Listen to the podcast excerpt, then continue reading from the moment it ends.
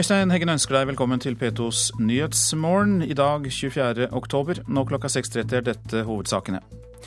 Milliardene strømmer inn i norske bedrifter. Årsaken er den svake krona. Så Dette betyr mye for oss. Nesten to milliarder eh, norske kroner eh, når det blir en 10% endring på kronekursen.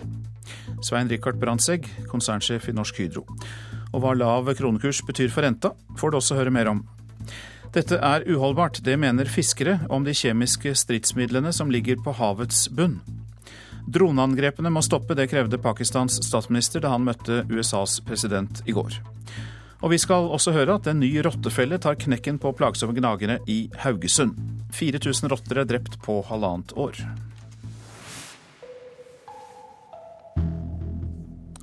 En svekket norsk krone gir konkurranseutsatte bedrifter milliardinntekter. Men eksportbedriftene advarer nå den nye regjeringen mot å bruke mer penger, og dermed styrke krona igjen. Hydro sier at de da må droppe nye investeringer i Norge. Og for plastprodusenten Ineos i Grenland er krona blitt viktig for å holde på arbeidsplassene. Her på Rafnes i Telemark betyr lyden av gasstanker under høyt trykk at plastråstoff kan lages og penger tjenes. I alle fall så lenge kronekursen er lav nok for Inios-direktør Nils Eirik Stamland. De fleste varer som eh, vi produserer, det er det veldig lav fortjenestemargin på. Også at når krona svekker seg, så ja, det er helt avgjørende. Og nå som krona i år har svekket seg 10% mot euroen, er 120 arbeidsplasser i Grenland sikrere enn før. Eh, Sammenligna med der hvor den var på det sterkeste, så sparer vi 5-6 millioner euro eh, per år. Også i de virkelig store selskapene er det kronefest for tiden. Her er Hydros konsernsjef Svein Rikard Brandtzæg. Så Dette betyr mye for oss. Nesten to milliarder eh, norske kroner eh, når det blir en 10 endring på kronekursen. Det er særlig en svekket norsk økonomi som har gjort krona mindre verdt. Men nå kan bedriftenes økte inntekter faktisk bidra til å få økonomien på skinner igjen, sier sjeføkonom Steinar Juel i Nordea Markets. Ja, så Over tid så, så vil du kunne gjøre det. for Hvis uh, inntjeningen der tar seg opp, uh, så klart så kan de komme til å investere mer i uh, aktivitet her i Norge. Det, det, hjelper veldig mye. Konkurranseevnen, Norsk konkurranseevne ha, har jo vært veldig svak de siste tiden. Og vært for, for svekket seg voldsomt de siste syv, åtte, ni årene. Men for at eksportbedriftene skal få en ny giv, mener Hydro-sjefen den nye regjeringen må være gjerrig med pengesekken. To uker før revidert statsbudsjett legges fram, sier Brandtzæg at aluminiumskjempen ikke kan investere mer i norske arbeidsplasser dersom oljepengebruken øker markant. Kronekursen betyr så mye for oss at uh, den økonomiske politikken vil være veldig viktig at uh, en uh, har god kontroll på, at en fører den ansvarligheten videre, sånn at Hydro fortsatt kan satse videre her i Norge. Også i Grenland er en bedriftsleder spent på om den nye regjeringen vil klare å holde kronekursen i sjakk. Og selv om det skulle bli litt dyrere for oss eh, alle å reise på ferie, så håper vi at den utviklinga skal fortsette enda 10% Da vil det virkelig hjelpe for norsk eh, konkurranseutsatt industri sin mulighet til å konkurrere. Men det er avhengig av at den nye regjeringa greier å holde pengebruken eh, under kontroll, sånn at ikke vi blåser opp det norske kostnadsnivået. Reporter, det var Sindre Høydahl. Erika Blomgren, god morgen. God morgen. Du er sjefstrateg i SEB, og eh, om noen få timer så får vi vite hva Norges Bank gjør med renta. Nå har vi jo snakket om lavere kronekurs, så hva er sammenhengen mellom rente og kronekurs? Ja, det er vel et sterkt sammenhengende, eh, og det er klart at rentenivån er veldig, eh, har en betydende faktor for kronekursen. Og det er klart at om Norge har en relativt høy rente eh, jämfört med andre länder så blir det ju attraktivare för, för investerare och andra att, att placera pengar i Norge. Og det er jo noe som styrker valutaen. Då. Hva tror du skjer i dag med rentemøtet? Jeg tror at eh, räntan kommer eh, holdes kvar på dagens låga nivå og at vi får egentlig ikke så mye nye signaler fra sentralbanken i dag utan det var jo trots alt bare en måned siden vi hadde rentemøte sist. utan jeg tror man kommer avvakta litt. Vi har jo sett en eh, markant skifte i aktiviteten i norsk økonomi sen i, sen i våras. Så jeg tror at man, man ligger i dag og avvakter mer informasjon mot slutet av året. Så har vi alle de som sitter med gjeld og gjerne vil vite hvordan renta utvikler seg på litt sikt. Hva tror du om det? Jeg tror at eh, man skal forberede seg på at renta räntan kommer komme opp noe, eh, i alle fall fra og med neste sommer. Men det er ingen rentesjokk vi prater om. Utan sentralbanken er jo fortsatt begrenset av at en markant oppgang i räntan kan jo drive en sterkere valuta. Så att det er fortsatt en forsiktig oppgang i räntor. Däremot så har vi en hel del regleringer på banker som gjør at bolåneräntorna selv om styrningsräntan er kvar på en låg nivå kan komme att stiga opp litt under, til slutten av året i alle fall. Ja, fordi bankene blir pålagt eh, noen større utgifter for å øke sin sikkerhet? Det er der det ligger? Ja, man kan si at eh, forenklet da at eh, bankene får betale mer for hver krone man låner ut til husholdene. Og for det da så kan man tenke seg at de vil ta litt mer betalt. Og det, er jo, det gir jo et resultat av at det blir dyrere for hushållen eh, selv om styringsrenten er som sagt uforandret. Så der sniker det seg inn en økning på betalingsblanketten, selv om styringsrenten er den samme? Exakt.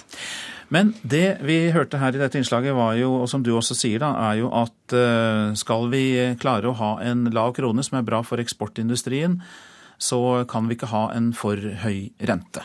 Og hva er det som påvirker renta mest? Hva er det som kan få den til å øke til sommeren f.eks.? Ja, det viktigste det er jo utviklingen i prisveksten.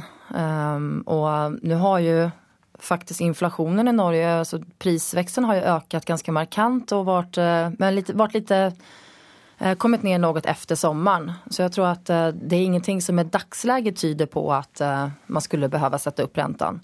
Men eh, sen er det om, vi, om det som vi venter oss då att aktiviteten i norsk ekonomi her faktisk tar seg tar sig upp i början på neste år og delvis drivet då av bättre aktivitet i, bland norska exportörer.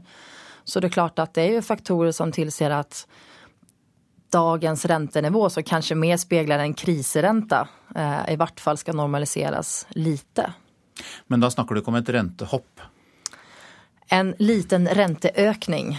Eh, men jeg tror at vi er langt ifra en situasjon der man skal være redd for at vi skal få et reelt eh, rentehopp. Og det beror just på at ser vi utenfor Norge så er det en veldig det er lave renter. Og risken er fortsatt at krona blir for sterk, helt enkelt. Hvis det blir for eh, høy rente, ja. Mm. Takk skal du ha, Erika Blomgren. Du kom til oss her i Nyhetsmorgen og jobber da som sjefstrateg i SEB. Nå til fiskerne langs kysten utenfor Arendal, som mener Norge må rydde hjemme før vi sier ja til å ødelegge kjemiske stridsmidler fra Syria. Fortsatt ligger det nemlig rundt 170 000 tonn kjemiske stridsmidler og våpen på havets bunn. De ble dumpet utenfor Arendal like etter annen verdenskrig. Leder i Arendal Fiskarlag, Atle Nilsen, mener dagens situasjon er farlig for fiskerne. Ja, det er jo en uholdbar situasjon, det er det.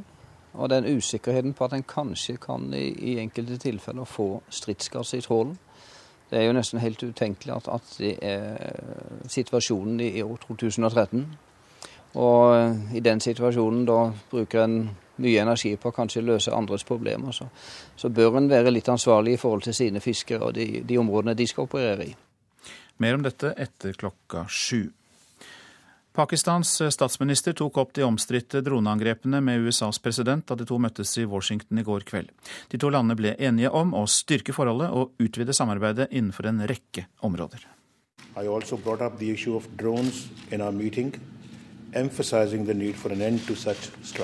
Pakistans statsminister Nawaz Sharif sier at han tok opp et av de punktene som har skadet forholdet mellom USA og Pakistan mest de førerløse amerikanske flyene som fyrer av raketter mot mistenkte terrorister i stammeområdene, og som også dreper sivile. Angrepene må stanse, sa Sharif, og la til i samme setning at de to landene har et godt pågående antiterrorsamarbeid, og at det nå skal styrkes. Vi har avtalt å further denne samarbeidet. Vi har we om at vi må fortsette å finne konstruktive måter å samarbeide på, måter som respect President Obama sier at det alltid vil være noen gnisninger i forholdet til Pakistan, men at de to lederne er enige om å bygge et vennskap basert på gjensidig respekt. Anders Tvegård, Washington. Organisasjonen for forbud mot kjemiske våpen, OPCW, forventer at Syria i dag legger fram en detaljert plan for destruksjon av sine kjemiske stridsmidler. OPCW, som også da er årets fredsprisvinner, er i ferd med å avslutte første fase av inspeksjonene som skal verifisere kjemivåpenprogrammet til president Bashar al-Assad. Ifølge talsmann Michael Luhan har inspektører allerede besøkt 18 av 23 steder der det ble oppgitt å være kjemiske våpen og stridsmidler. På de aller fleste stedene har inspektørene ødelagt utstyr. Så er det avisene, da. Rusforsker ber ungdom slappe av og drikke litt, skriver Bergens Tidende. Press for å lykkes på skolen, på trening og sosialt gjør ungdom syke. Noen unge ville hatt det bedre om de drakk litt alkohol. Ja, det sier forsker Sverre Nesvåg.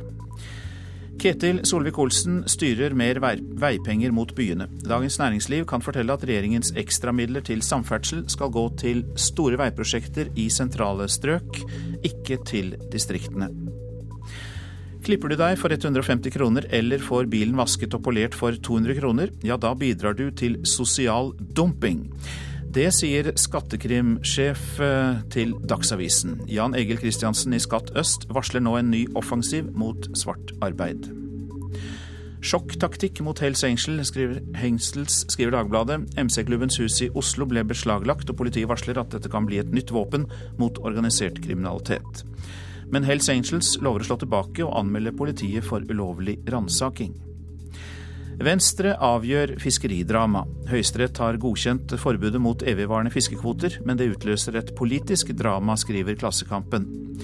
Regjeringen vil fjerne forbudet, mens KrF går mot. Nå kan Venstre avgjøre striden om fiskekvoter. Sagbrukene ber om rabatt på tømmer, kan vi lese i Nasjonen. Utenlandske kjøpere presser opp prisene på norsk tømmer, og treindustrien ber skogeierne om lavere priser. Men det er skogeierne skeptiske til. Det blir mer ekstremvær, forteller klimaforsker til Aftenposten. Rasmus Benestad har dokumentert en direkte sammenheng mellom global oppvarming og mer ekstreme nedbørsmengder. Han har studert nedbør på 7000 steder gjennom 55 års tid. Tre av fire europeiske jøder skjuler sin identitet, forteller Vårt Land. Antisemittismen er blitt verre de siste fem år. Mer negativt enn jeg hadde trodd, sier forstander Ervin Kohn i Det mosaiske trossamfunn i Oslo. Dyrere SFO og barnehage, endringer i eiendomsskatten, dyrere vann. Trondheimsbudsjettet gir innbyggerne en litt mer slunken lommebok neste år. Det forteller Adresseavisen. Fotballegender ut mot spillestilen til Brann, skriver Bergensavisen. Vi spiller en fotball som knapt fenger de som er ute på banen. Ja, det sier Brann-veteraner til avisa.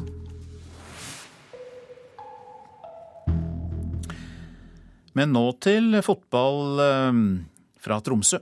For eh, de kan bli det første norske laget på seks år som går videre fra gruppespillet i Europaligaen. Men skal guttene fra nord sikre seg andreplassen i gruppa, så må det bli minimum uavgjort i Moskva i kveld. Yeah. Latter fra salen på et kjapt ja fra Steinar Nilsen på gårsdagens pressekonferanse på Saturn stadion i Moskva. Nilsen satt på podiet sammen med kaptein Mika Kompenen, som i likhet med sjefen var offensiv i møte med russisk presse. Like everybody knows, the Tottenham is the best, the best team in the group. Uh, after that, it's three teams who are fighting for the second place. Vi er i fremgang, har masse selvtillit og tror vi kan slå Anski, var meldinga fra Koppinen. Gjør TIL det, og Tottenham samtidig slår Sheriff, vil guttene ha alle muligheter til å bli den første norske klubben siden 2007 som går videre fra gruppespillet i Europaligaen. Klart Tottenham er jo en, en god favoritt i, i, gruppa, men bakom der så er det en god kamp om plassen. og Et godt resultat her i, i Russland mot uh, vil uh, absolutt uh, gjøre den muligheten enda bedre. Det sier TIL-direktør Vegard Berg Johansen. Hva vil det bety for norsk fotball og for TIL hvis dere klarer å bli nummer to i gruppa og gå videre? Nei, Det er jo eh, først og fremst en veldig god sportslig prestasjon, og legger også et grunnlag for en veldig god eh, sportslig utfordring utover i 2014. Så, så er det klart at dette er noe vi fokuserer på. Ja, Steinar Nilsen, eh, hva vil det bety for, for, for TIL og for norsk fotball hvis dere klarer det? Nei, Det er klart at det betyr enormt hvis vi skulle klare det, men vi vet også at det er et stykke igjen til at vi er, vi er der. Nå må vi være veldig fokusert og konsentrert på spillet vårt. Vi trenger å forbedre en del faser i, eh, i spillet vårt, og det må vi ta tak i. Reporter i Moskva, Gunnar Grinstein. Klokka den nærmer seg kvart på sju om få sekunder, og dette er hovedsaker i P2s Nyhetsmorgen. Milliardene strømmer inn til norske bedrifter. Årsaken er den svake krona. Fiskere langs kysten utenfor Arendal frykter 170 000 tonn kjemiske stridsmidler og våpen på havets bunn. De ble dumpet der etter andre verdenskrig. Snart kan du bruke Google-briller til å filme hvem som helst, hvor som helst. Datatilsynet er skeptisk. Mer om Google Glass snart. Men nå om FN-dagen, for det er nemlig i dag, og i den forbindelse er det morgenaksjoner i sju norske byer. Med kaffe og kunnskap om FN, og derfor er du også her, Rune Arktander, god morgen. God morgen. Assisterende generalsekretær i FN-sambandet. Ja, hva vil dere ha fram gjennom disse aksjonene nå på morgenen? Vi ønsker å sette fokus på eh, FN som organisasjon. 68 eh, år siden organisasjonen ble stiftet, og alt det arbeidet som FN gjør over hele verden, det er viktig for oss å få fram. Vi har aksjoner over hele landet. I tillegg så er det veldig veldig mange skoler og barnehager som har markeringer for å støtte opp om det arbeidet FN gjør, men også for å vise til det arbeidet FN gjør. Hva mener og tenker nordmenn om FN? Dere har undersøkt det?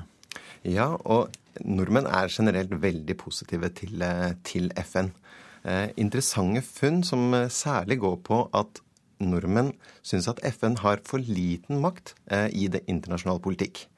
Og jeg tenker at Det gir to signaler til, eh, til, norske myndigheter.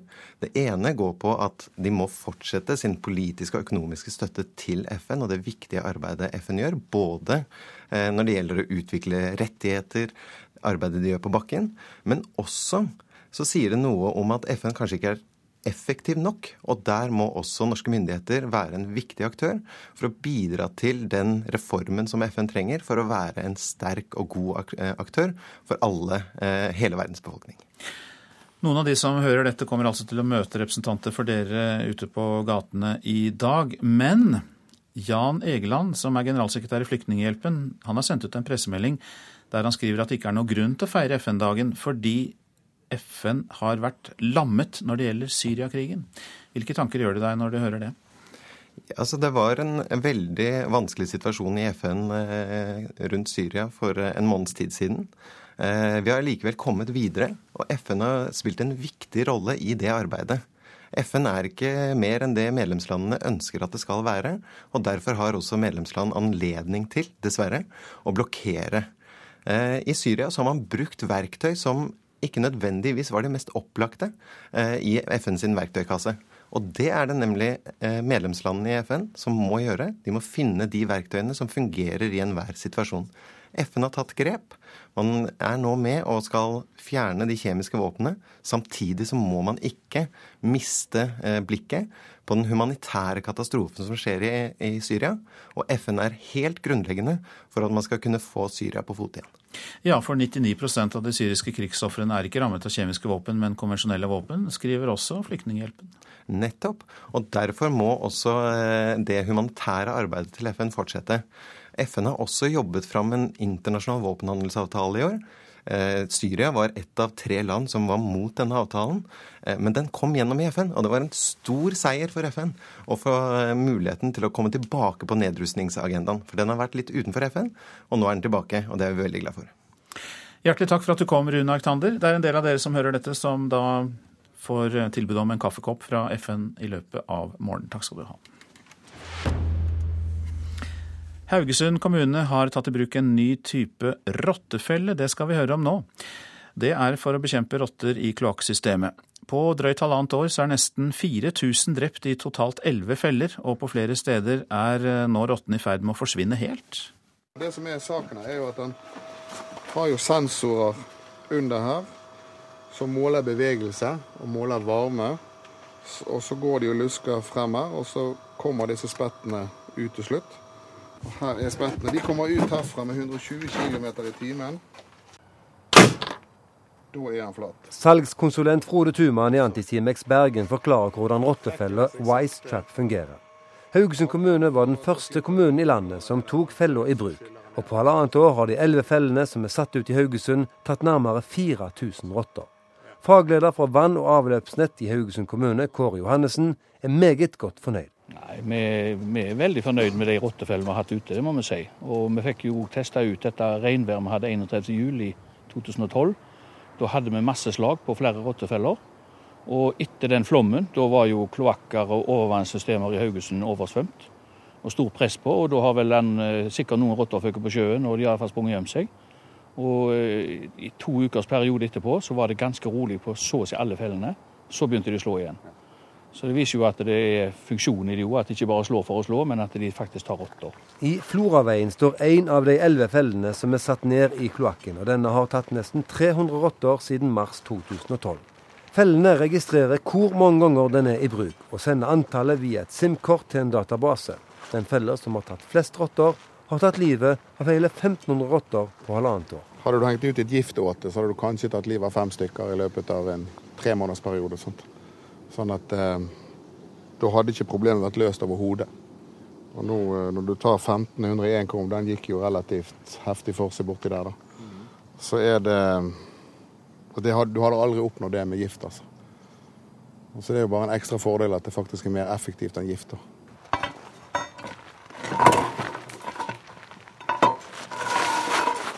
Det var en av de første vi satte ned, var ikke det? da? Jo.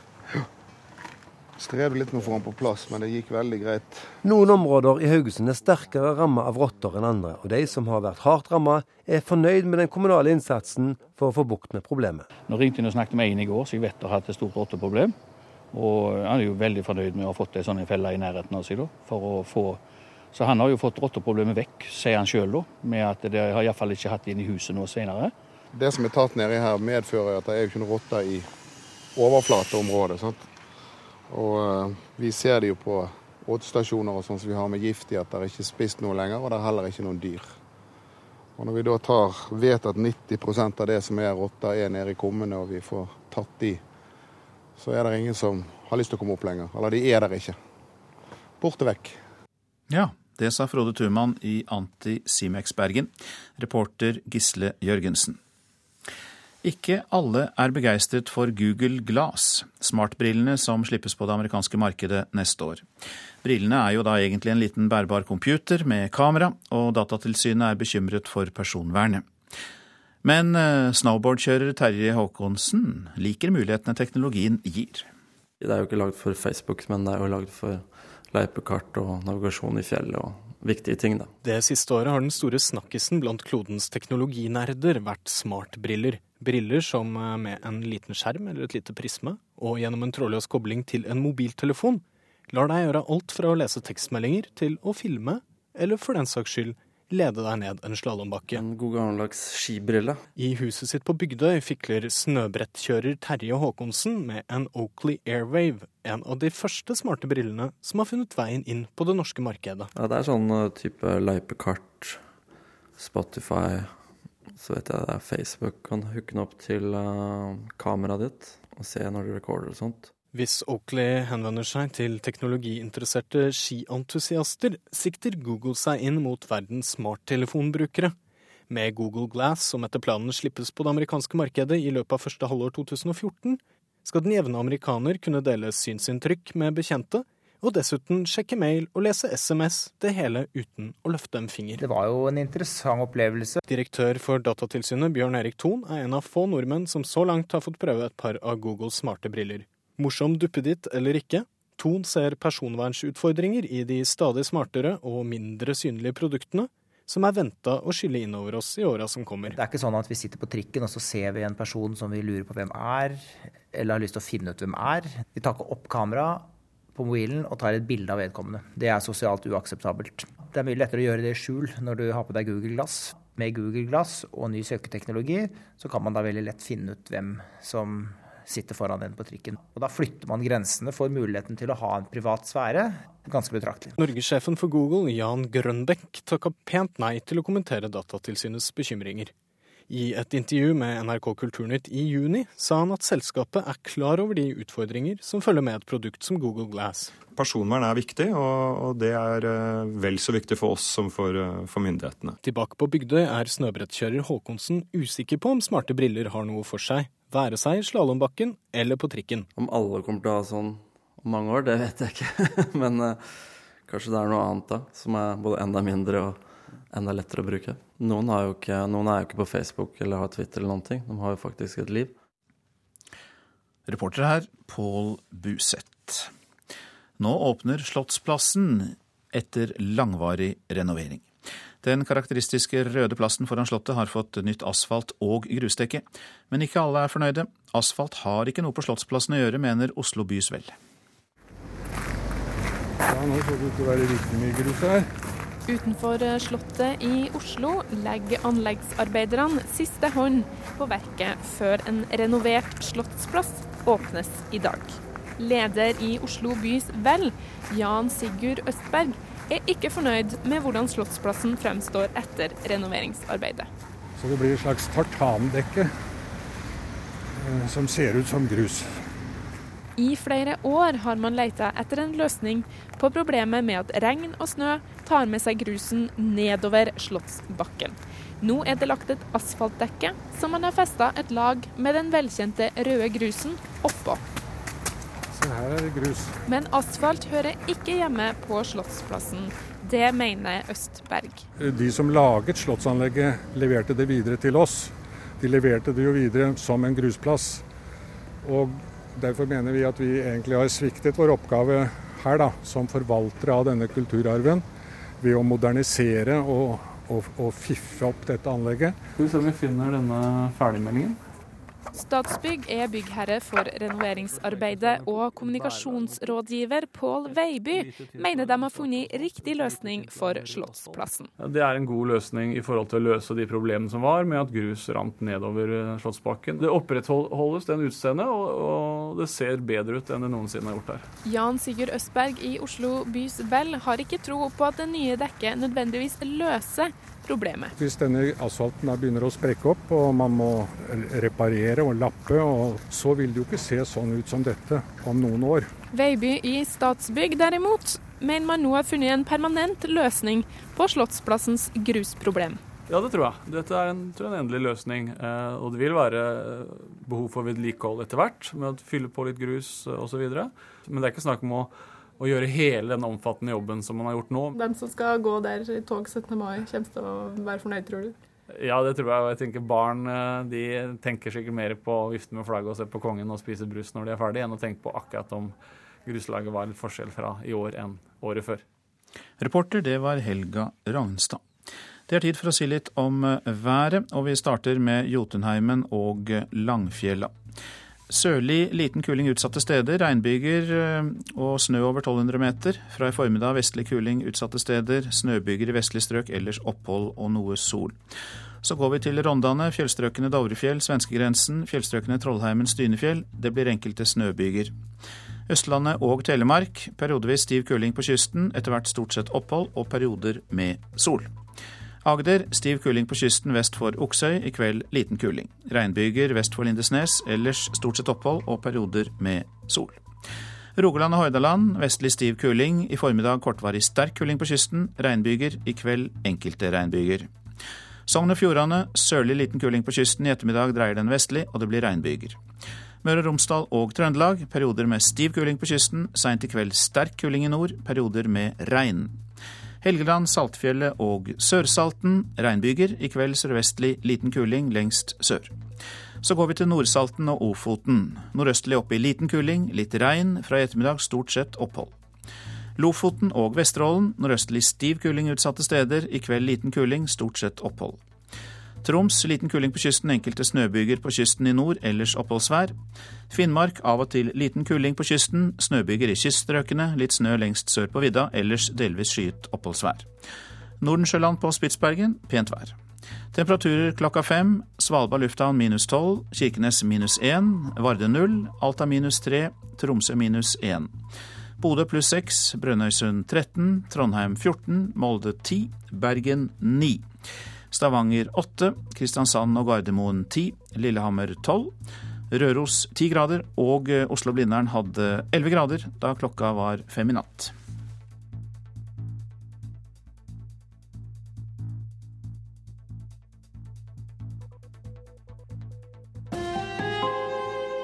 Hør ekko. Per er 16 år, ruser seg, stjeler biler og raner andre barn. Så blir han tatt og får en dom. Mest sannsynlig havner han i fengsel. Nå vil norske politikere prøve noe nytt for unge kriminelle. Erstatte fysiske murer med sosial kontroll. Vil det gjøre at Per slutter å rane og slå? Ekko 9 11 i NRK P2. Prisene på blokkleiligheter har steget i været. Nye byggekrav har skylden, sier bransjen. Fiskere frykter kjemiske våpen som ligger på havets bunn langs sørlandskysten. Her er NRK Dagsnytt klokken sju. Byggekostnadene for blokkleiligheter har eksplodert de siste årene. Bransjen mener det skyldes økt byråkrati og nye byggekrav fra myndighetene. Kostnaden skyves over på dem som skal kjøpe nye leiligheter. Og nå har det blitt så dyrt at smertegrensen er nådd for vanlige folk, mener administrerende direktør Per Jæger i Boligprodusentenes forening. Ja, det blir for kostbart. Altså, vi har lagt oss på en altfor høy standard eh, fra det offentlige side. Men god standard, er ikke det fint? da? Jo, det er kjempebra, og vi skal gjerne selge mye til en høy standard. Men det er ikke sikkert at alle har råd til det. Og jeg tror faktisk det som er viktig nå, det er at vi klarer å bygge nok boliger for folk flest. I dag så begynner vi snart å bare bygge for de som har aller best råd. Reporter Johan B. Settem. Fiskerne langs kysten utenfor Arendal i Aust-Agder mener Norge må rydde i eget hus før vi sier ja til å ødelegge kjemiske stridsmidler fra Syria.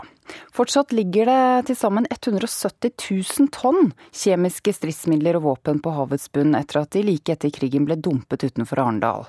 Kystverket innrømmer at noen skip kan være i randsonen for feltet som i dag er merket inn på fiskernes sjøkart, og vil derfor prøve å gjøre forholdene tryggere, sier beredskapsdirektør Johan Marius Ly.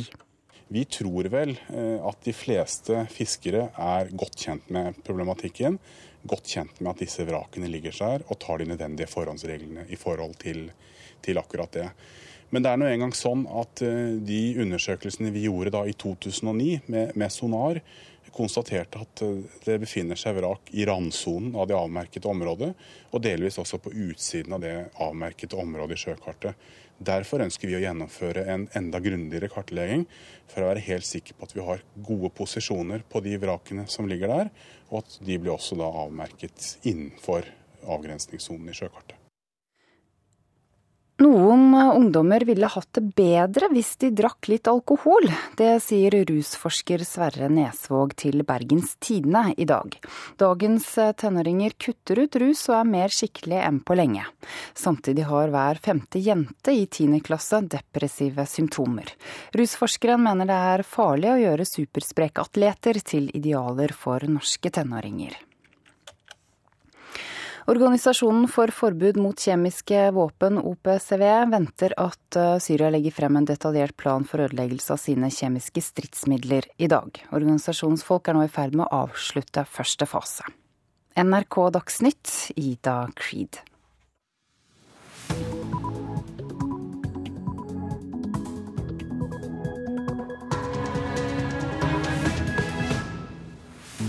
Og her fortsetter P2s Nyhetsmorgen med mer om at byggekostnadene i boligbransjen har skutt i været. Og eh, de kjemiske stridsmidlene på havets bunn bekymrer altså fiskere utenfor Arendal. Det får vi også mer om. Milliardene strømmer inn til norske bedrifter. Årsaken er den svake krona. Og de som mistet vennene sine på Utøya, sliter med ettervirkningene. Ja, Byggekostnadene for blokkleiligheter har skutt i været, som vi hørte i Dagsnytt. Bransjen selv skylder på økt byråkrati og nye byggekrav fra myndighetene. De som kjøper nye leiligheter, må betale for økningen. Nå har det blitt så dyrt at folk flest snart ikke har råd til å kjøpe nye leiligheter. Den gamle industritomta til Kverner i Oslo er nå et av de største boligprosjektene i landet. Siden 2007 har Obos nye hjem fått bygga boligblokker i etapper. Hver gang myndighetene kommer med nye byggekrav, blir blokkene her dyrere.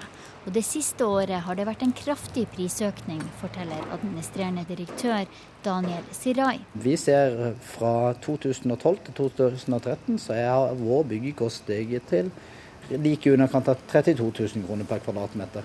Som er ca. en 12% stigning fra år til år og som er en kostnad som er nødvendigvis er nødt til å dytte videre ut til de som kjøper boligen. Den siste tekniske byggeforskriften krever bl.a. at absolutt alle nye leiligheter må være tilpassa rullestolbrukere. I tillegg fordyrer nye krav til energibruk, lydnivå og ventilasjon. Selvåg Bolig mener de nye kravene fra myndighetene siden 2007 gjør en 70 kvadratmeter stor ny leilighet nesten 650 000 kroner dyrere for deg som skal kjøpe den. Jeg mener nå at byggekostnadene er så høye at eh, de ikke kan stige noe mer. Og Det er litt av grunnen til at vi nå ser at boligigangsettingen kommer til å falle neste år.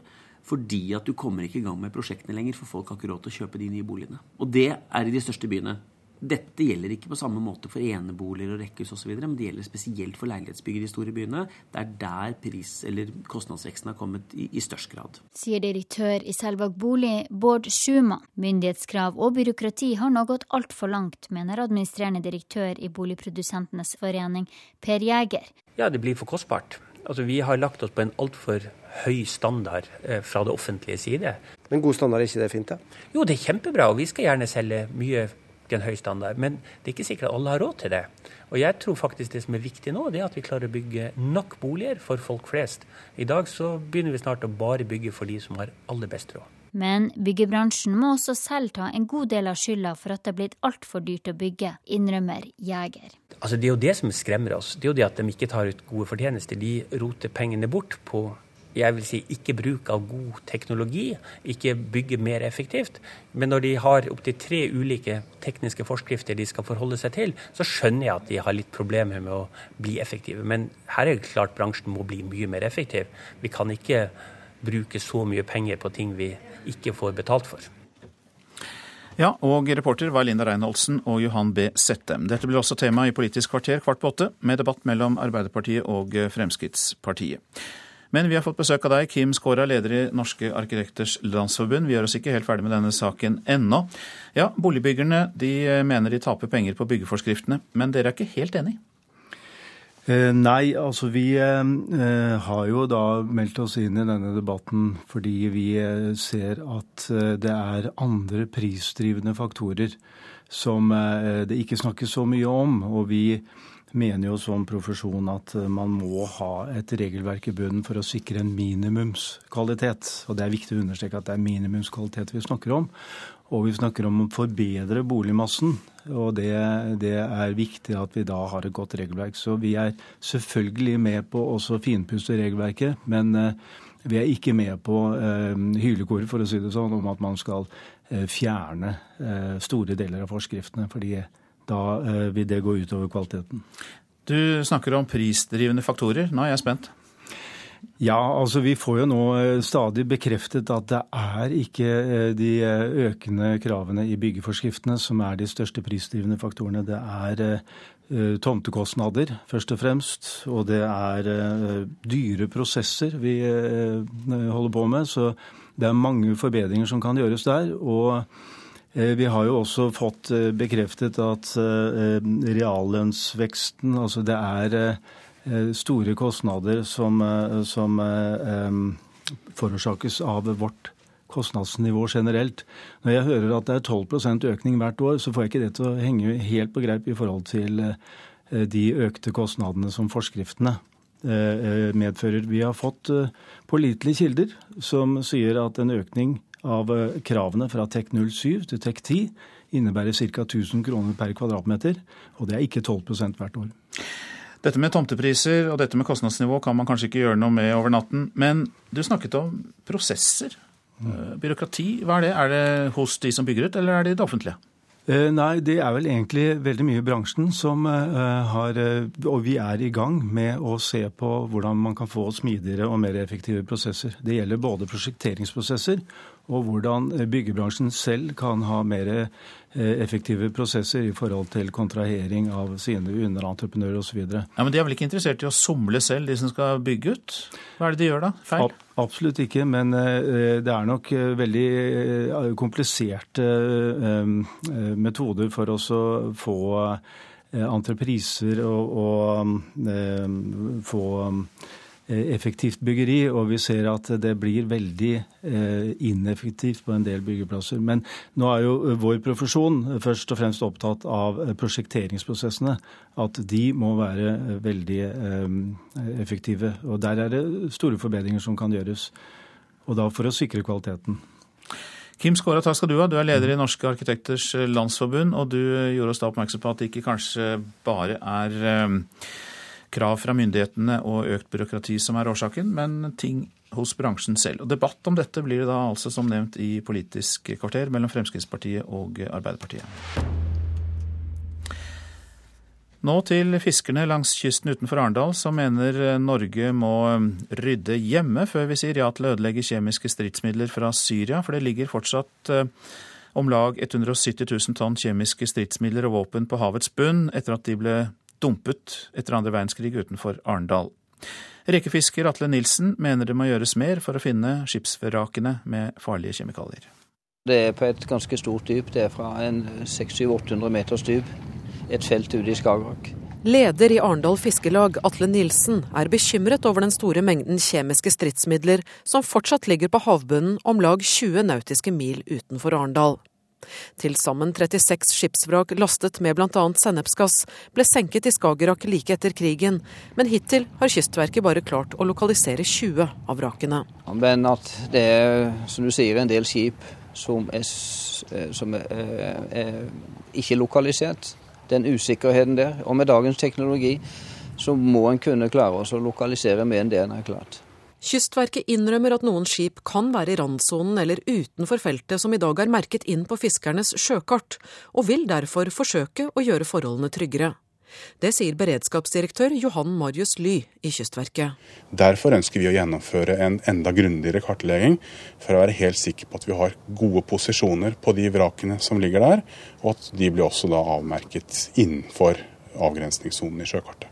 I en rapport laget av Forsvarets forskningsinstitutt i 2002 går det fram at noen av skipsvrakene lekker. Leder i Flekkerøy fiskeriforening, Martin Andås, tror det kan bli vanskelig å sikre seg mot dette. Det er, jo, det er jo, veldig dypt, så det er jo sikkert vanskelig å, å gjøre noe i det akkurat med det. Men, men uh, om de kan dekke det til, eller Jeg vet ikke. Det er jo veldig, veldig vanskelig å skal ordne opp etter gamle synder. Rekefisker Atle Nilsen håper på en snarlig bedring. Han mener diskusjonen om Norge skal påta seg å destruere Syrias kjemiske stridsmidler, kan komme fiskerne til gode. Eh, Dette vil jo kanskje gjøre at vi får satt litt mer fokus på det som finnes på utsida, og at en kanskje bør rydde litt i, i sin egen eh, hage før en påtar seg altfor mye. Iallfall sette litt mer søkelys på det. Skipsvrakene har nå ligget på havbunnen i snart 70 år, og det er usikkert hva som skjer med denne typen ammunisjon etter så mange år. Det sier leder i Greenpeace, Truls Gullofsen. Dette er helt nytt. Det er et eksperiment i en enorm skala. Man trodde man kunne løse problemer med å dumpe det i havet. Det kan man ikke. Eh, men ingen vet hvordan sånne prosesser, nedbrytningsprosesser av verken kjemiske eller konvensjonelle våpen utvikler seg over tid, fordi at vi har altfor kort tid. Noe av det er ødelagt. No, veldig mye av det er ennå ikke ødelagt, men det kommer jo på et eller annet tidspunkt så vidt jeg kan begripe, til å bli ødelagt. Mm. Og da skjer det noe. Reporter her, det var Kristine Næss Larsen. Ja, Man trodde kanskje man ble kvitt problemet ved å dumpe det i havet, men det gjorde man altså da ikke. Ketil Hylland, du er professor i toksikologi ved Institutt for biovitenskap ved Universitetet i Oslo. Og Hvor farlig kan disse lekkasjene være? Ja, nei, Takk for at jeg fikk komme. øvrig. Det er jo reaktive stoffer, dette her. Altså, det er jo i utgangspunktet som granater, enten som skulle slippes fra fly eller som skulle skytes fra kanoner. Og når de ligger i sjøen, så vil de jo gradvis ruste, forvitre, sånn at eh, innholdet eh, kan slippe ut. Og det vet man jo at skjer. Eh, men selve stoffene som er i de, altså sennepsgass, tabun, som jo er en, en nervegass, og kanskje også fosken, som også er et, et annet sånt middel, som, som, som, kanskje er i disse granatene. Fosgen reagerer umiddelbart og blir borte umiddelbart. De to andre har det vi kaller halveringstid. altså De brytes ned, halvparten blir borte i løpet av ja, kanskje tre timer noe sånt, i sjøvann. Eh, selv ved de lave temperaturene som det er ved 600 grader. Sånn at ved 600 meter så um, Det er jo ikke noe som forblir i havet.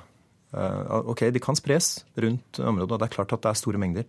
Jeg tror at det som er utenfor Arendal, er en sånn 130 000 tonn, og ikke 170 000. Men uh, etter hva jeg forstår.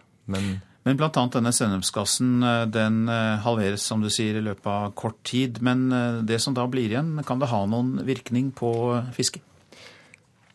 Hvis fiskerne hadde fått opp, altså sånn som det jo har skjedd i Østersjøen bl.a., utenfor Bornholm, så, så er det klart farlig. Altså, det er ingen tvil om. Eh, det som synes å skje, er at eh, denne sendeskassen, det aktive stoffet, er eh, i en type gel eller i en olje eller noe sånt, som, som, gjør at det som er ytterst, blir borte. Men hvis fiskerne da får det opp, og det brytes eller det, det utsettes på andre måter, så kan de få det på seg. Og det, er, det, det her er farlige ting. sånn at det er ingen tvil om at det er skadelig.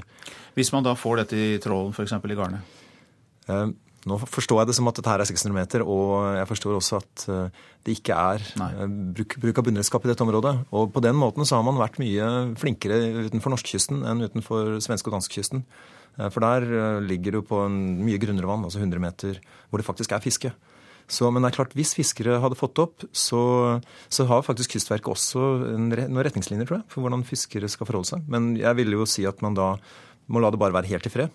Og rett og slett ja, bare la redskapen være og eh, ta det med til land og, og søke profesjonell hjelp, rett og slett. Ja. Men er det faktisk da sånn eh, det du sier, det ligger dypt, og eh, et av disse stoffene det forsvinner helt, noen forsvinner i løpet av relativt kort tid. Avlyser du helt denne bekymringsmeldingen? Altså, det er jo til stede der nede.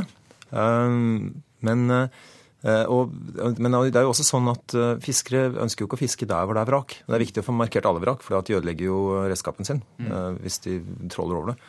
Um, så på en måte så er det bra at de ligger i skip. Altså Det er jo som, som ble sagt noen og 30 skip som ble senket med disse granatene i. Så på en måte så forhindrer jo det at man fisker på det. Det hadde vært verre hvis granatene hadde ligget løst. på en måte. Det lekker jo ut, og det vil jo påvirke organismer i området, men i et ganske begrenset område, tror jeg. Så etter min mening så ligger det egentlig bra der det ligger. Og det kommer til å bli borte i løpet av noen hundre år. Altså det er klart det er ikke, det er ikke en perfekt løsning. Men uh, sånn som det har blitt løst, som det ble løst etter andre verdenskrig, for det er, da det ble, det er jo da det ble dumpa. Uh, dette her er jo tysk uh, våpen som ble dumpa av amerikanske og britiske styrker. Så. Da takker vi for, eh, for det. Eh, Ketil Hylland, professor i toksikologi ved Institutt for biovitenskap, ved Universitetet i Oslo. Selv takk. Nå om den norske krona, for en svekket krone gir konkurranseutsatte bedrifter milliardinntekter, men eksportbedriften advarer den nye regjeringen mot å bruke mer penger og styrke krona igjen. Nils Eirik Stamland er direktør i plastprodusenten Ineos i Grenland. Når krona svekker seg, så ja, det er helt avgjørende. Sammenligna med der hvor den var på det sterkeste, så sparer vi 5-6 millioner euro per år. Også i de virkelig store selskapene er det kronefest for tiden. Her er Hydros konsernsjef Svein Rikard Brandtzæg. Det betyr mye for oss. Nesten to milliarder eh, norske kroner eh, når det blir en 10% endring på kronekursen. Men for at eksportbedriftene skal få en ny giv, mener Hydro-sjefen den nye regjeringen må være gjerrig med pengesekken. Kronekursen betyr så mye for oss at uh, den økonomiske politikken vil være veldig viktig at en uh, fører den ansvarligheten videre, sånn at uh, Hydro fortsatt kan satse videre her i Norge. Reporter her, det var Sindre Heirdal. Og sannelig er du ikke kommet til studio også, Sindre Heirdal. Du var ute med mikrofonen der, nå er du her. Velkommen. Takk. Du eh, skal snakke om at vi eh, får eh, vite hvordan en rekke store selskaper har klart seg gjennom tredje kvartal i dag. Norske Skog har akkurat offentliggjort sine tall for juli, august og september. og Hva leser du ut av de? Ja, De viser jo at Norske Skog fortsatt sliter med, med driften. Altså, De taper fortsatt penger. De tapte nesten 150 millioner kroner nå i det siste kvartalet. Eh, og eh, det er eh, et veldig viktig selskap for norske skogeiere, så, så dette er alvorlig for mange. Det høres ikke så bra ut. Hva kan virkningen, betydningen, være det, av det? Ja, det, det, det, positive her er at underskuddet før var langt større. De altså, det er altså en pasient her på kraftig bedringens vei. Så de sier selv nå også at prisene på avispapir og magasinpapir ute i Europa er blitt bedre. Eh, I tillegg, som, som, nevnt i forrige sak, så hjelper krona også Norske Skog. Så det er en klar effekt der som gjør at de taper mindre enn før. Og de håper jo at dette skal bli eh, kanskje overskudd etter hvert. Takk for at du følger med på dette, Sindre Heirdal. Og det kommer altså kvartalstall fra flere selskaper etter hvert i dag. Dette er P2s Nyhetsmorgen, og klokka den er 7.19. Vi har disse hovedsakene. Byggekostnadene i boligbransjen har skutt i været. Økt byråkrati og byggekrav får eh, skylda. Milliardene strømmer inn til norske bedrifter. Årsaken er altså den svake krona. Og vi hørte at fiskere langs kysten utenfor Arendal frykter at det fortsatt ligger 170 000 tonn kjemiske stridsmidler og våpen på havets bunn. Men en professor i toksikologi som nettopp var her, sa at man bør kanskje la det ligge. Pakistans statsminister tok opp de omstridte droneangrepene med USAs president da de to møttes i Washington i går. De to landene er enige om å styrke forholdet og utvide samarbeidet.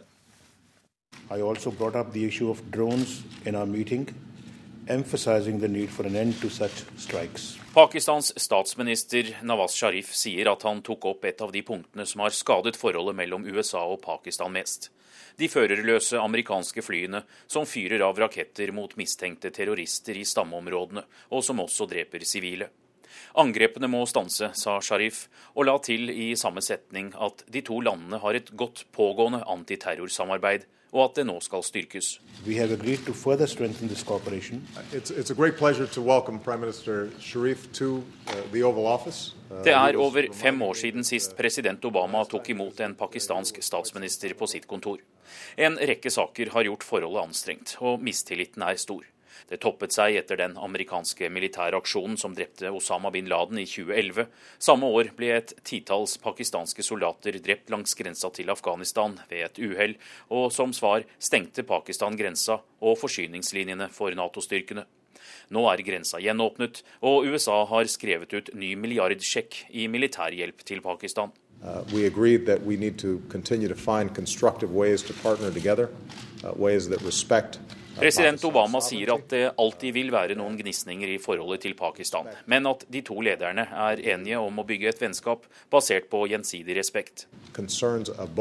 Obama trenger Pakistans godvilje, nå som amerikanske soldater etter planen skal ut av nabolandet Afghanistan, og som støttespiller i fredsprosessen mellom Taliban og det afghanske lederskapet. Pakistan er også avhengig på sin side av økonomisk hjelp fra USA og utvidet handel.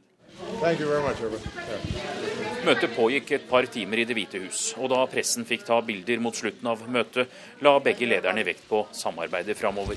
President Obama nevnte ikke dronene offentlig, og har heller ikke vist vilje til å stanse angrepene. Pressen fikk høre at Pakistans leder inviterte Obama til Pakistan, men presidenten svarte ikke på invitasjonen på sparket. Anders Tvegård, Washington. Borgerkrigen i Syria nå, den blir stadig mer brutal. Snikskyttere velger gravide kvinner og barn som mål, ifølge en britisk kirurg som har jobbet ved flere syriske sykehus. Utenriksmedarbeider Wenche Eriksen, kan du fortelle oss mer om hva han forteller? Ja, David Nutt er en anerkjent britisk kirurg som har jobbet i krigssoner i 20 år, i Kongo og Bosnia annet. Og til The Times og CNN sier han at det han har sett etter å ha jobbet i fem uker i Syria, er noe han aldri har sett før. Han forteller at han på én dag opererte sju-åtte gravide kvinner som var skutt. En annen dag var det to skuddpasienter etter hverandre som var gravide. Alle disse kvinnene var høygravide. Alle ble skutt gjennom livmoren, og det kan ikke være tvil om at snikskytterne skjøt bevisst på dem for å drepe ut barna de bar på, sier den britiske legen. Og også små barn er mål for eh, snikskytterne, ifølge Natt. 90% av skadene han opererte, var skuddskader fra snikskyttere. Og han forteller også at det virket som om det var en slags konkurranse eh, mellom snikskytterne, for på noen dager så var skadene bemerkelsesverdig like. Eh, liksom alle skadene på en eneste dag var på ett sted på kroppen, og en annen dag var det et annet sted på kroppen. Så det var en slags, nærmest en lek, eh, trodde han.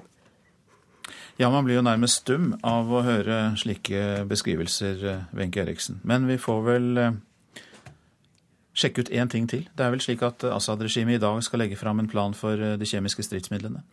Ja, Organisasjonen for eh, forbud mot kjemiske våpen eh, forventer at dette blir lagt fram i dag, en detaljert plan for ødeleggelsen av kjemiske stridsmidler. Fredsprisvinneren er nå i ferd med å avslutte første fase av sitt arbeid. Inspektørene deres og FN har besøkt 18 av 23 steder det ble oppgitt å være kjemiske våpen på. Eh, og stridsmidler også, og på de aller fleste stedene så har inspektørene ødelagt utstyr der. Takk skal du ha, Wenche Eriksen. Så til eh, noe av det avisene skriver i dag. Ketil Solvik-Olsen styrer mer veipenger mot byene. Dagens Næringsliv kan fortelle at regjeringens ekstramidler til samferdsel skal gå til store veiprosjekter i sentrale strøk. Klipper du deg for 150 kroner eller får bilen vasket og polert for 200 kroner, ja da bidrar du til sosial dumping. Det sier skattekrimsjef til Dagsavisen. Jan Egil Kristiansen i Skatt øst varsler ny offensiv mot svart arbeid. Sjokktaktikk mot Hells Angels, skriver Dagbladet. MC-klubbens hus i Oslo ble beslaglagt, og politiet varsler at dette kan bli et nytt våpen mot organisert kriminalitet. Men Hells Angels lover å slå tilbake og anmelder politiet for ulovlig ransaking. Venstre avgjør fiskeridrama. Høyesterett har godkjent forbudet mot evigvarende fiskekvoter, men det utløser et politisk drama, skriver Klassekampen. Regjeringen vil fjerne forbudet, mens KrF går imot. Nå kan Venstre avgjøre striden om fiskekvoter. Tre av fire europeiske jøder skjuler sin identitet, forteller Vårt Land. Antisemittismen er blitt verre de siste fem årene. Mer negativt enn jeg hadde trodd, sier forstander Ervin Kohn i Det mosaiske trossamfunn i Oslo. De som mistet vennene sine på Utøya, sliter med ettervirkningene. Det har de oppgitt når de er blitt spurt av Senter for krisepsykiatri i Bergen. Undersøkelsen er den første som også omfatter venner og kjærester av Utøya-ofrene. Marte Mortensson fra Narvik mistet sin aller beste venninne på Utøya. Hun føler seg oversett av det offentlige. Det jeg hadde hatt lyst til, er at i stedet for at vi fikk et nummer vi kunne ringe til det her kriseteamet, at kriseteamet hadde ringt oss tilbudt hjelp. For det er der det ligger. Vi må bli tilbudt det. For det er jo ikke, det er ingen som har tenkt på venner, denne gruppa, kjærester, venner. Vi møter 19-åringen på et hotell i Bodø sentrum, der hun er på samling med støttegruppa etter 22. juli. Her deler hun erfaringer med andre etterlatte og lærer hvordan de skal bearbeide sorgen. Tiden etter 22. juli har vært langt fra enkel for henne. Skolegangen ble veldig prega. Jeg måtte gå deltid. Um, så jeg tok ett år over to år. Uh, og det sosiale livet, det har vel vært litt sånn Man trekker seg på mange måter veldig tilbake og tenker at man er alene om det, og det er ingen å snakke med, og de blir ikke å forstå. Så da blir man gjerne veldig tilbaketrukken. Jeg hadde konsentrasjonsvansker, uh, og da er det liksom Du kan være på skolen fysisk, men psykisk så er det en helt annen plass. 22.07.2011 mistet Marte sin aller beste venninne på Utøya, men hun føler hun har fått dårlig oppfølging i ettertid. Vi har blitt oversett, ja. Det har vi. For vi har ikke blitt fanga opp, og vi har ikke blitt gjort noe med før nå. Forskningsleder ved Senter for krisepsykologi, Kari Dyregrov, har forsket på sorgprosessen hos de etterlatte etter Utøya-drapene. Rapporten viser at over halvparten av vennene av de som ble drept 22.07.2011, fortsatt sliter med skolegangen og sitt sosiale liv. Det er Nære venner av de avdøde unge. Mange av disse er også unge. Ehm, så det spesielle er nok at de sliter bortimot like like mye som foreldre og søsken. Og de blir nok også plassert litt nederst i sorghierarkiet. Marte mener det er mange unge som ikke kommer seg videre etter terrorhandlingene. Livet går ikke videre for mange. De blir sittende igjen i den der tilstanden der alt egentlig bare er kaos. Og det er jo greit å ha kaos, men skal du ha det i to år, liksom, så får du ikke gjort noen ting. Helsedirektoratet har nå varslet at de vil sørge for oppfølging av de etterlatte men Marte mener at hjelpen kommer for sent. Ja, det er bra at det kommer, men det er litt for sent. Når 50% sliter, så er det jo en grunn til det. Så det er litt rart at de ikke har gjort det før nå. Avdelingsleder for psykisk helse og rus i Helsedirektoratet, Anette Mjelle, sier de var nødt til å prioritere familiene første tida etter 22. juli. I første omgang så ble foreldre og søsken eh, prioritert eh, i den aktive oppfølgingen men hun sier at de oppfordret også venner til å søke hjelp. Vi sa også samtidig at det var viktig å se at det kunne være andre, bl.a. venner, som hadde det vanskelig. Og vi oppfordra sterkt til at de skulle ta kontakt med helsevesenet, og primært sin egen fastlege, for å få hjelp med de tingene de da sliter eh, med. Og reporter her, det var Minever Mynever Gildis. Du lytter til P2s Nyhetsmorgen. Vi minner om at i Politisk kvarter er eh, byggeforskrifter og forenkling av boligbygging som er tema når Arbeiderpartiet møter Fremskrittspartiet. Produsent for Nyhetsmorgen Ulf Tannes Fjell. Her i studio Øystein Heggen. Nå får vi.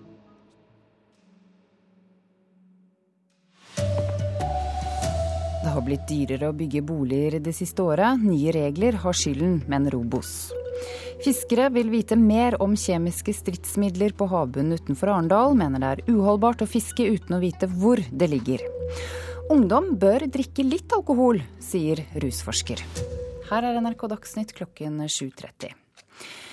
Byggekostnadene for blokkleiligheter har steget kraftig de siste årene. Bransjen selv mener det skyldes økt byråkrati og nye byggekrav som er pålagt av myndighetene. Og kostnaden skyves over på de som kjøper. Den gamle industritomta til Kverner i Oslo er nå et av de største boligprosjektene i landet. Hver gang myndighetene kommer med nye byggekrav, blir blokkene her dyrere. Og det siste året har det vært en kraftig prisøkning, forteller administrerende direktør Daniel Sirai. Så jeg har vår byggekost steget til like underkant av 32 000 kroner per kvadratmeter. Som er ca. en 12% stigning fra til år. Og som er en kostnad som er nødvendigvis er nødt til å dytte videre ut til de som kjøper boligen. Den siste tekniske byggeforskriften krever bl.a. at absolutt alle nye leiligheter må være tilpassa rullestolbrukere. I tillegg fordyrer nye krav til energibruk, lydnivå og ventilasjon. Selvåg bolig mener de nye kravene fra myndighetene siden 2007 gjør en 70 kvadratmeter stor ny leilighet nesten 650 000 kroner dyrere for deg som skal kjøpe den. Myndighetskrav og byråkrati har nå gått altfor langt, mener administrerende direktør i Boligprodusentenes forening, Per Jæger. Ja, det blir for kostbart. Altså, vi har lagt oss på en altfor høy standard eh, fra det offentlige side. Men god standard, er ikke det fint? da? Jo, det er kjempebra, og vi skal gjerne selge mye til en høy standard. Men det er ikke sikkert at alle har råd til det. Og jeg tror faktisk det som er viktig nå, det er at vi klarer å bygge nok boliger for folk flest. I dag så begynner vi snart å bare bygge for de som har aller best råd. Og Arbeiderpartiet og Fremskrittspartiet møtes til debatt om byråkrati og reguleringer i Politisk kvarter på P2 kvart på åtte. Reportere var Linda Reinholdsen og Johan B. Settem. Fiskere langs kysten utenfor Arendal mener Norge må rydde opp hjemme før vi sier ja til å ødelegge kjemiske stridsmidler fra Syria. For fortsatt ligger til sammen 170 000 tonn kjemiske stridsmidler og våpen på havets bunn etter at de like etter krigen ble dumpet utenfor Arendal. Rekefisker Atle Nilsen mener det må gjøres mer for å finne disse skipsvrakene med de farlige kjemikalene. Det er på et ganske stort dyp. Det er fra en 600-800 meters dyp et felt ute i Skagerrak. Leder i Arendal Fiskelag, Atle Nilsen, er bekymret over den store mengden kjemiske stridsmidler som fortsatt ligger på havbunnen om lag 20 nautiske mil utenfor Arendal.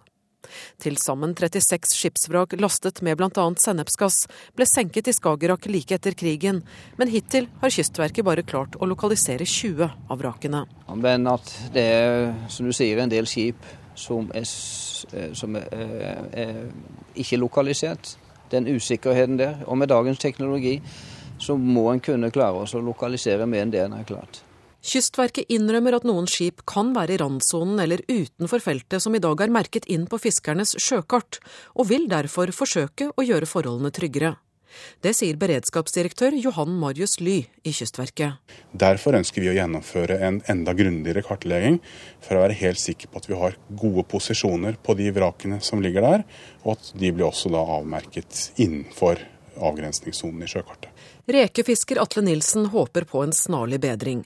Han mener diskusjonen om Norge skal påta seg å destruere Syrias kjemiske stridsmidler, kan komme fiskerne til gode. Eh, det her vil jo kanskje gjøre at vi får satt litt mer fokus på det som finnes på utsida, og at en kanskje bør rydde litt i, i sin egen eh, hage før en påtar seg altfor mye. Iallfall sette litt mer søkelys på det.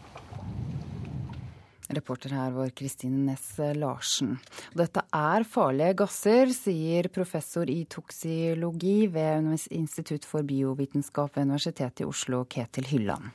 Altså, det er jo i utgangspunktet som granater, enten som skulle slippes fra fly eller som skulle skytes fra kanoner. Eh, og når de ligger i sjøen, så vil de jo gradvis ruste, forvitre, sånn at innholdet eh, kan slippe ut. Og det vet man jo at skjer. Eh, men selve stoffene som er i de, altså sennepsgass, tabun, som jo er en, en nervegass, og kanskje også fosken, som også er et, et annet sånt middel, som, som, som, kanskje er i disse granatene. Um, Fosken reagerer umiddelbart og blir borte umiddelbart. De to andre har det vi kaller halveringstid. altså De brytes ned, halvparten blir borte i løpet av ja, kanskje tre timer noe sånt, i sjøvann. Det skal fortsatt handle om våpen, for Pakistans statsminister tok opp de omstridte droneangrepene med USAs president da de to møttes i Washington i går kveld. De to landene er enige om å styrke forholdet. I also brought up the issue of drones in our meeting emphasizing the for an end to such strikes. Pakistans statsminister Nawaz Sharif sier at han tok opp et av de punktene som har skadet forholdet mellom USA og Pakistan mest. De førerløse amerikanske flyene som fyrer av raketter mot mistenkte terrorister i stammeområdene, og som også dreper sivile. Angrepene må stanse, sa Sharif, og la til i samme setning at de to landene har et godt pågående antiterrorsamarbeid og at det nå skal styrkes.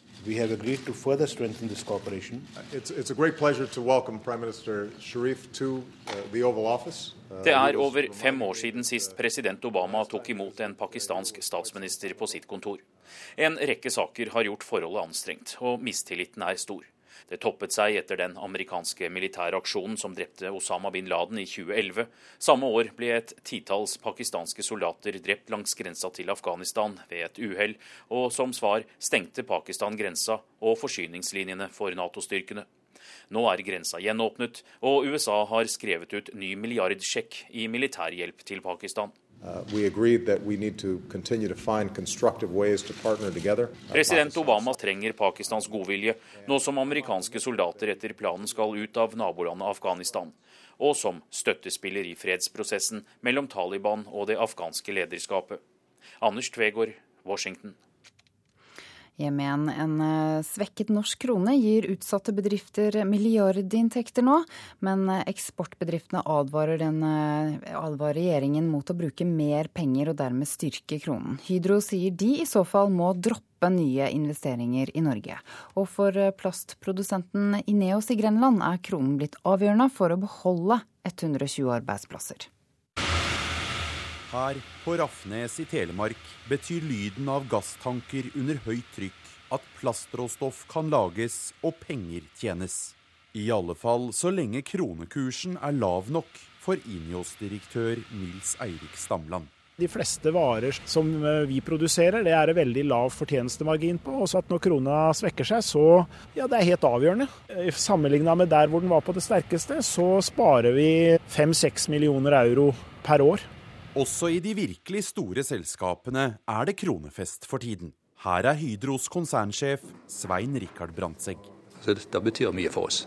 Nesten to milliarder eh, norske kroner eh, når det blir en 10 endring på kronekursen. Men for at eksportbedriftene skal få en ny giv, mener Hydro-sjefen den nye regjeringen må være gjerrig med pengesekken.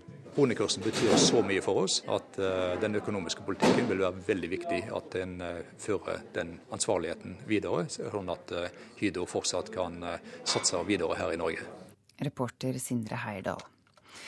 Noen ungdommer ville hatt det bedre dersom de drakk litt alkohol. Det sier rusforsker Sverre Nesvåg til Bergens Tidende i dag.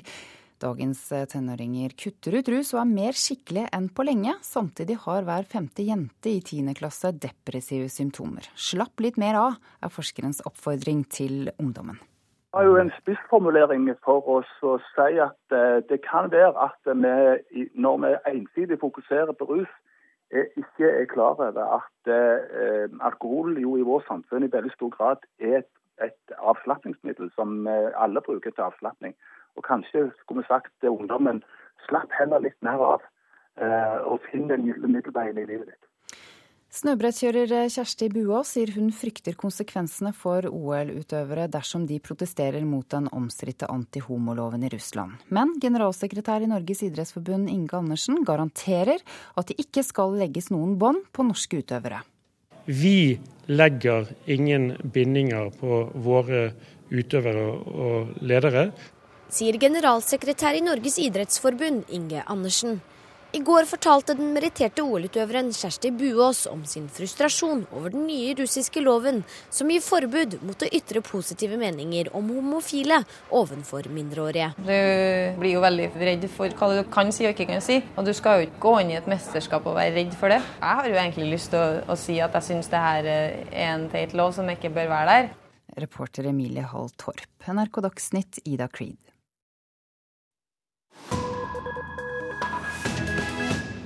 Her i Nyhetsmorgen skal vi til Egypt. Igjen har den koptiske kirken blitt angrepet. Fire bryllupsgjester ble drept i Kairo denne uken. Etter at det militære avsatte den demokratisk valgte president Mohammed Morsi i sommer, har Egypts kristne fått unngjelde.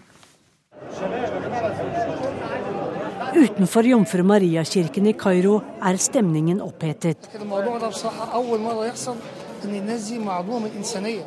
Det er første gang noe sånt skjer her. De som angriper og skyter folk i et bryllup, mangler humanitet, sier Same Samir, som bor like ved kirken i Warak-området i Kairo. Målet til gjerningsmennene, tror han, er å skape kaos i Egypt. Vi er redde. Vi frykter flere angrep. Disse terroristgruppene som angriper militæret og politiet, ja, de vender seg nå mot oss kristne.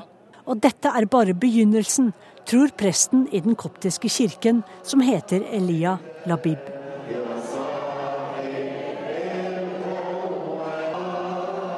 Inne i kirken er menigheten samlet til bønn. De som blir ofre for noens raseri og hat, skal minnes.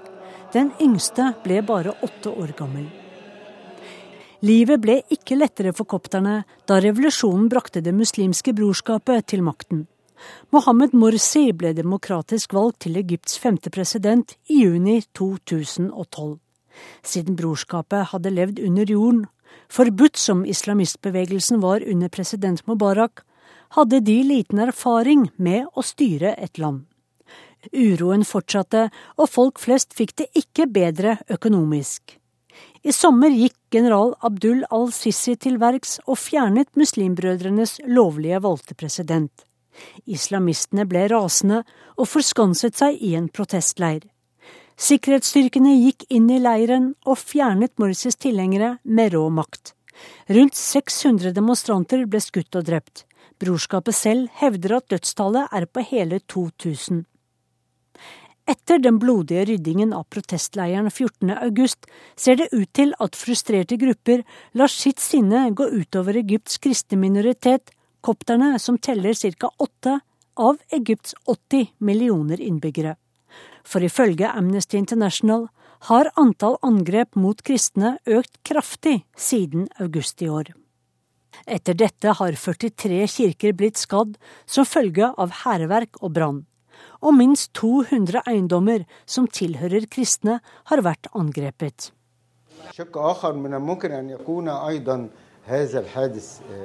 Denne forbrytelsen ble sannsynligvis planlagt av Det muslimske brorskapet for å hevne seg på sikkerhetsstyrkene og de som står bak kuppet mot president Morsi, og de som nå har forbudt brorskapet. Det tror den egyptiske journalisten Fatih al-Saya. Hensikten med angrepet mot bryllupet er å spre frykt, slik at ingen egypter føler seg trygg lenger, mener han. Den koptiske presten Daoud Ibrahim mener på sin side at de kristne ikke har noen fiender i Egypt.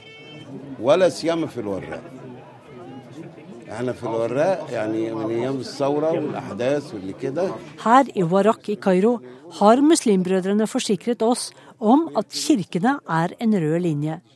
Vi har levd sammen i fred før, og slik må det fortsette, for slik har det alltid vært her hos oss, sier den optimistiske presten til Reuters. Og Sissel Wold rapporterte. Dette er Nyhetsmorgen ved disse hovedsakene. Det har blitt dyrere å bygge bolig det siste året. Nye regler og forskrifter har skylden, mener Obos. Fiskere vil vite mer om kjemiske stridsmidler på havbunnen utenfor Arendal. Mener det er uholdbart å fiske uten å vite hvor skipene med giftstoffene ligger. Og milliardene strømmer inn til norske bedrifter. Årsaken er den svake krona. Og byråkrati og strenge byggekrav som vi hørte om, får skylden for dyrere boliger og blir tema også hos deg i Politisk kvarter, Per Arne Bjerke. Må vi nå betale prisen for politikernes reguleringsiver? Og om litt skal du få møte landets nye kulturminister. Blir det bedre kultur med mer privat sponsing, spør vi.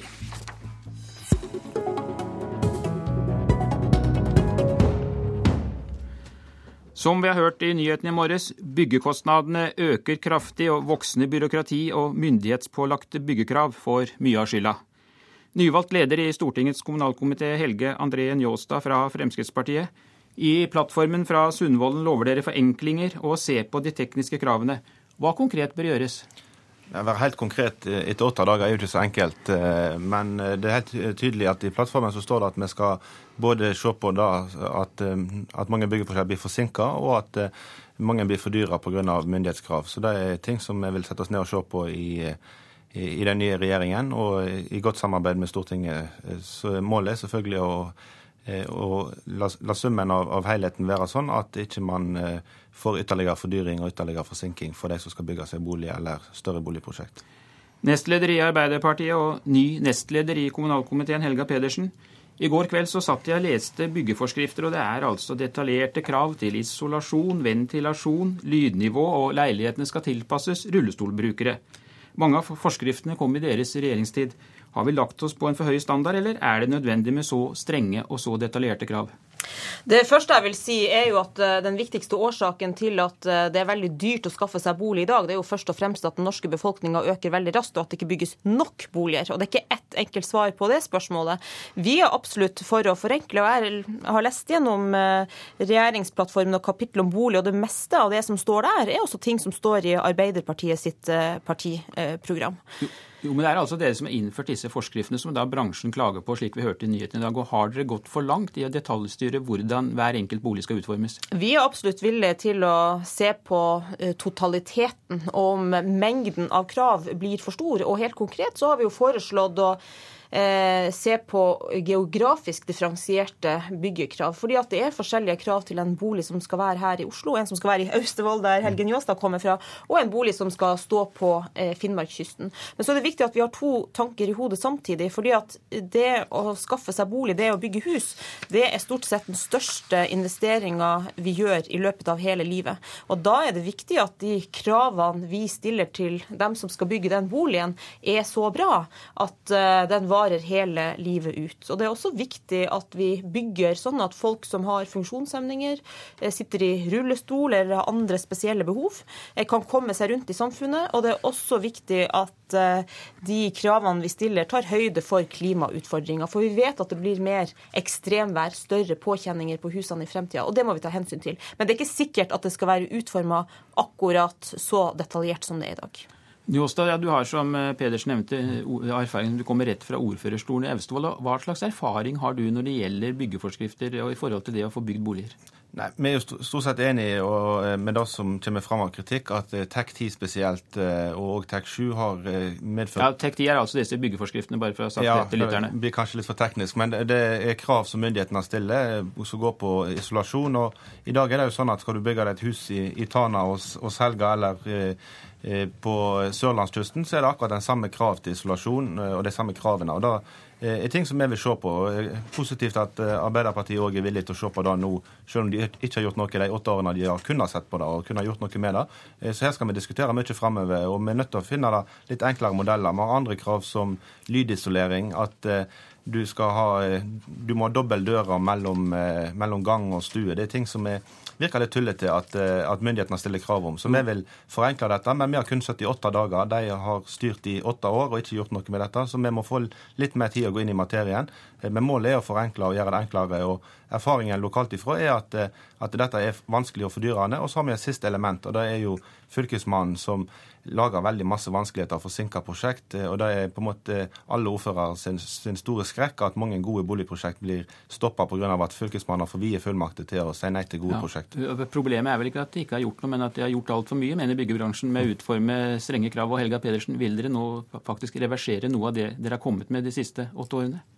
Som sagt så er vi villige til å se på totaliteten av krav, men samtidig på en sånn måte at vi bygger gode bygg for fremtida og tar hensyn til klima og eh, folk med funksjonshemninger. Så vil jeg jo samtidig si at vi har jo satt i gang. Våtromsnormene f.eks. fjerna. Og man har, når det gjelder byggesaksbehandling, så har vi jo eh, fjerna søknadsplikt for det som kalles mindre tiltak. Altså vi skal sette opp en liten garasje eller et lite tilbygg. Så vi er jo i gang. Så må vi videre. Jeg mener at vi bør innføre elektronisk byggesaksbehandling i alle kommuner. Vi må definitivt gå gjennom innsigelsesinstituttet, forenkle det, stramme inn eh, på det. Jeg mener også vi må se på eh, ting som inndelinga i hovedstadsområdet, fordi at fylkesgrensa mellom Oslo og Akershus eh, er et hinder for å se bygg, næringsareal og transport i sammenheng. Og så vil jeg si en ting til. fordi at Når byggekostnadene øker, så skyldes det ikke bare byggeforskriftene. Det skyldes også at produktiviteten i byggenæringa er for svak. Mens produktiviteten øker i stort sett alle andre deler av norsk næringsliv, så har den gått ned i byggebransjen. Og Derfor satte jo Liv Signe Navarsete i gang et samarbeidsprosjekt med byggebransjen, med fokus på forskning, innovasjon, effektivitet, eh, læring. Og Det prosjektet håper jeg at den nye regjeringa viderefører. Og så vil jeg si en ting til. Det er viktig at vi kvalifiserer vår ungdom til å gå inn i byggebransjen. At vi rekrutterer lærlinger. At det offentlige stiller krav om å ta inn lærlinger i offentlige byggeprosjekter, og at vi har en arbeidslivspolitikk som bekjemper sosial dumping. For Hvis norske ungdommer ser at i byggebransjen blir du utnytta og underbetalt, da vil ikke våre ungdommer gå inn i den bransjen. Og det er viktig at vi bygger kompetanse på å i Norge for fremtida. Nå så er ikke nettopp problemet noe av det Pedersen sier, at du finner årsakene pga. manglende produktivitet og effektivitet i bransjen selv, i stedet for at man bare skal skylde på politikere og byråkrater?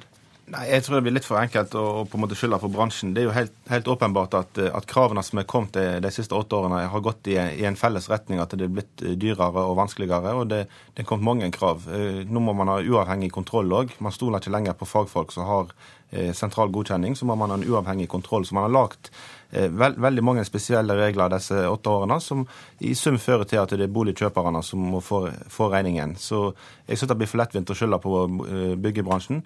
Eh, og, men jeg, er glad for de signalene som nå kommer, og vi skal få til et godt samarbeid for å forenkle. Eh, nå har man jobba i åtte år med å gjøre det vanskeligere for boligkjøpere. og Hvis man da kan bruke disse fire årene i samarbeid i komiteen til å gjøre det enklere, se på innsigelsesinstituttet til Fylkesmannen, så eh, tar vi gjerne Arbeiderpartiet med på råd for å gjøre det enklere for folk. For nå har de brukt åtte år på å gjøre det vanskeligere, og da kan de få lov å være med og gjøre det litt enklere nå. Og vi skal gjøre det i samarbeid med bransjen, det vil jeg jo veldig sterkt eh, understreke. Jeg skylder ikke på bransjen, men jeg sier at du kan ikke bare peke på eh, byggeforskriften og si at det er den eneste årsaken til at kostnadene eh, stiger. Det er et faktum at produktiviteten i byggenæringa har gått ned. Det er bransjen sjøl veldig tydelig på. De har sjøl tatt initiativ til Bygg21, som samarbeidsprosjektet med Kommunaldepartementet og de offentlige myndighetene heter. Og de mener det er veldig viktig å videreføre det. Og så er det helt grunnleggende at vi bygger kompetanse for fremtida i Norge. Men for å snu litt på det, nå klager man altså over strenge regler og strenge forskrifter. Men er det ikke faktisk nødvendig med reguleringer når vi da stadig hører om hvor mye slurv og hvor mye dårlige bygg som reises? Er det ikke nettopp disse reglene som må til for å få ordentlig kvalitet på boligene? Jo, det er jo derfor vi har et system der man har sentral godkjenning, at man eh, er nødt til å være godkjent for å kunne reise opp bygg. Eh, men nå er jo mengden av krav og reguleringer på en måte så stor at det er blitt for mye.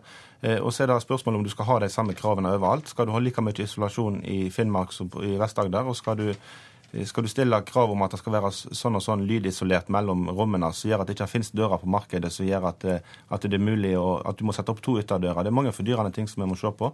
Men selvfølgelig så skal vi ha krav som, som sikrer at, eh, at, man får gode bygninger.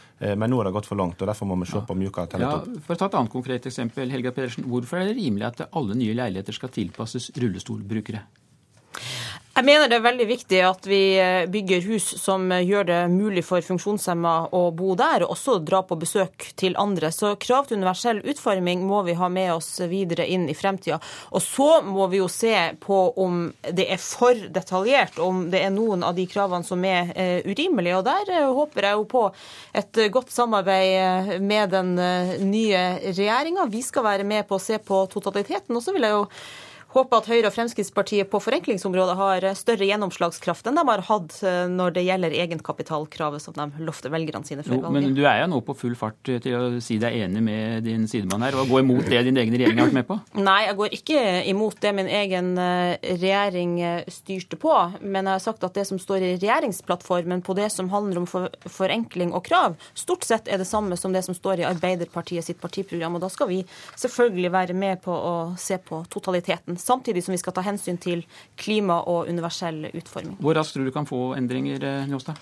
Nei, Nå har vi hatt åtte dager, og eh, det, jeg merker at folk er utålmodige, og det er bra. Men eh, vi må gjøre dette skikkelig, og vi må gjøre det i samarbeid med, med, Stortinget. og Jeg håper vi kan få til brede, gode forlik. og Jeg er glad for den tonen som Arbeiderpartiet gir uttrykk for i dag. Eh, og Vi vil se endringer, men vi må gjøre det skikkelig og i dialog med de som det skal gjøres i dialog med. Så jeg vil ikke no love noe på, konkret. Men vi har bare 78 dager, altså. Takk skal dere ha.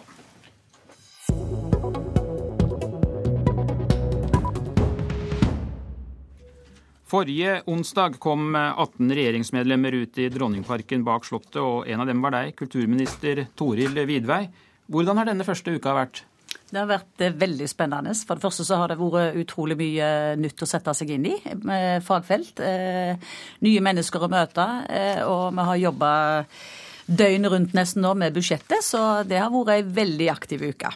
Ja, Ganske snart så skal du legge fram det nye budsjettet som du er inne på. Hvor viktig vil det være for deg å få inn flere private aktører som kan være med på å sponse Kultur-Norge? Ja, Det er faktisk veldig viktig. Vi har, eh, har fokusert på at eh, dette med makt, eh, mangfold og maktspredning er veldig viktig for den nye regjeringen. Og det er også veldig sterkt nedfelt på ulikt vis i vår plattform. Og ved å åpne opp også for private eh, investorer og aktører til å være med og finansiere kulturlivet, så er det også et glitrende et eksempel på maktspredning. Ja, du har jo sagt at du skal støtte opp om dette såkalte gaveforsterkningsprinsippet. Det betyr altså et slags spleiselag mellom eh, staten og private, for å si det litt enkelt. Har du noen formening om hvor interessert eh, næringslivet er i å bruke mer penger på kultur? Jeg tror det er et stort potensial der ute. Der er allerede, næringslivet er allerede ganske sterkt på banen med sponsormidler til Kultur-Norge eh, på et bredt eh, felt, både innenfor musikk og, og ikke minst innenfor idretten.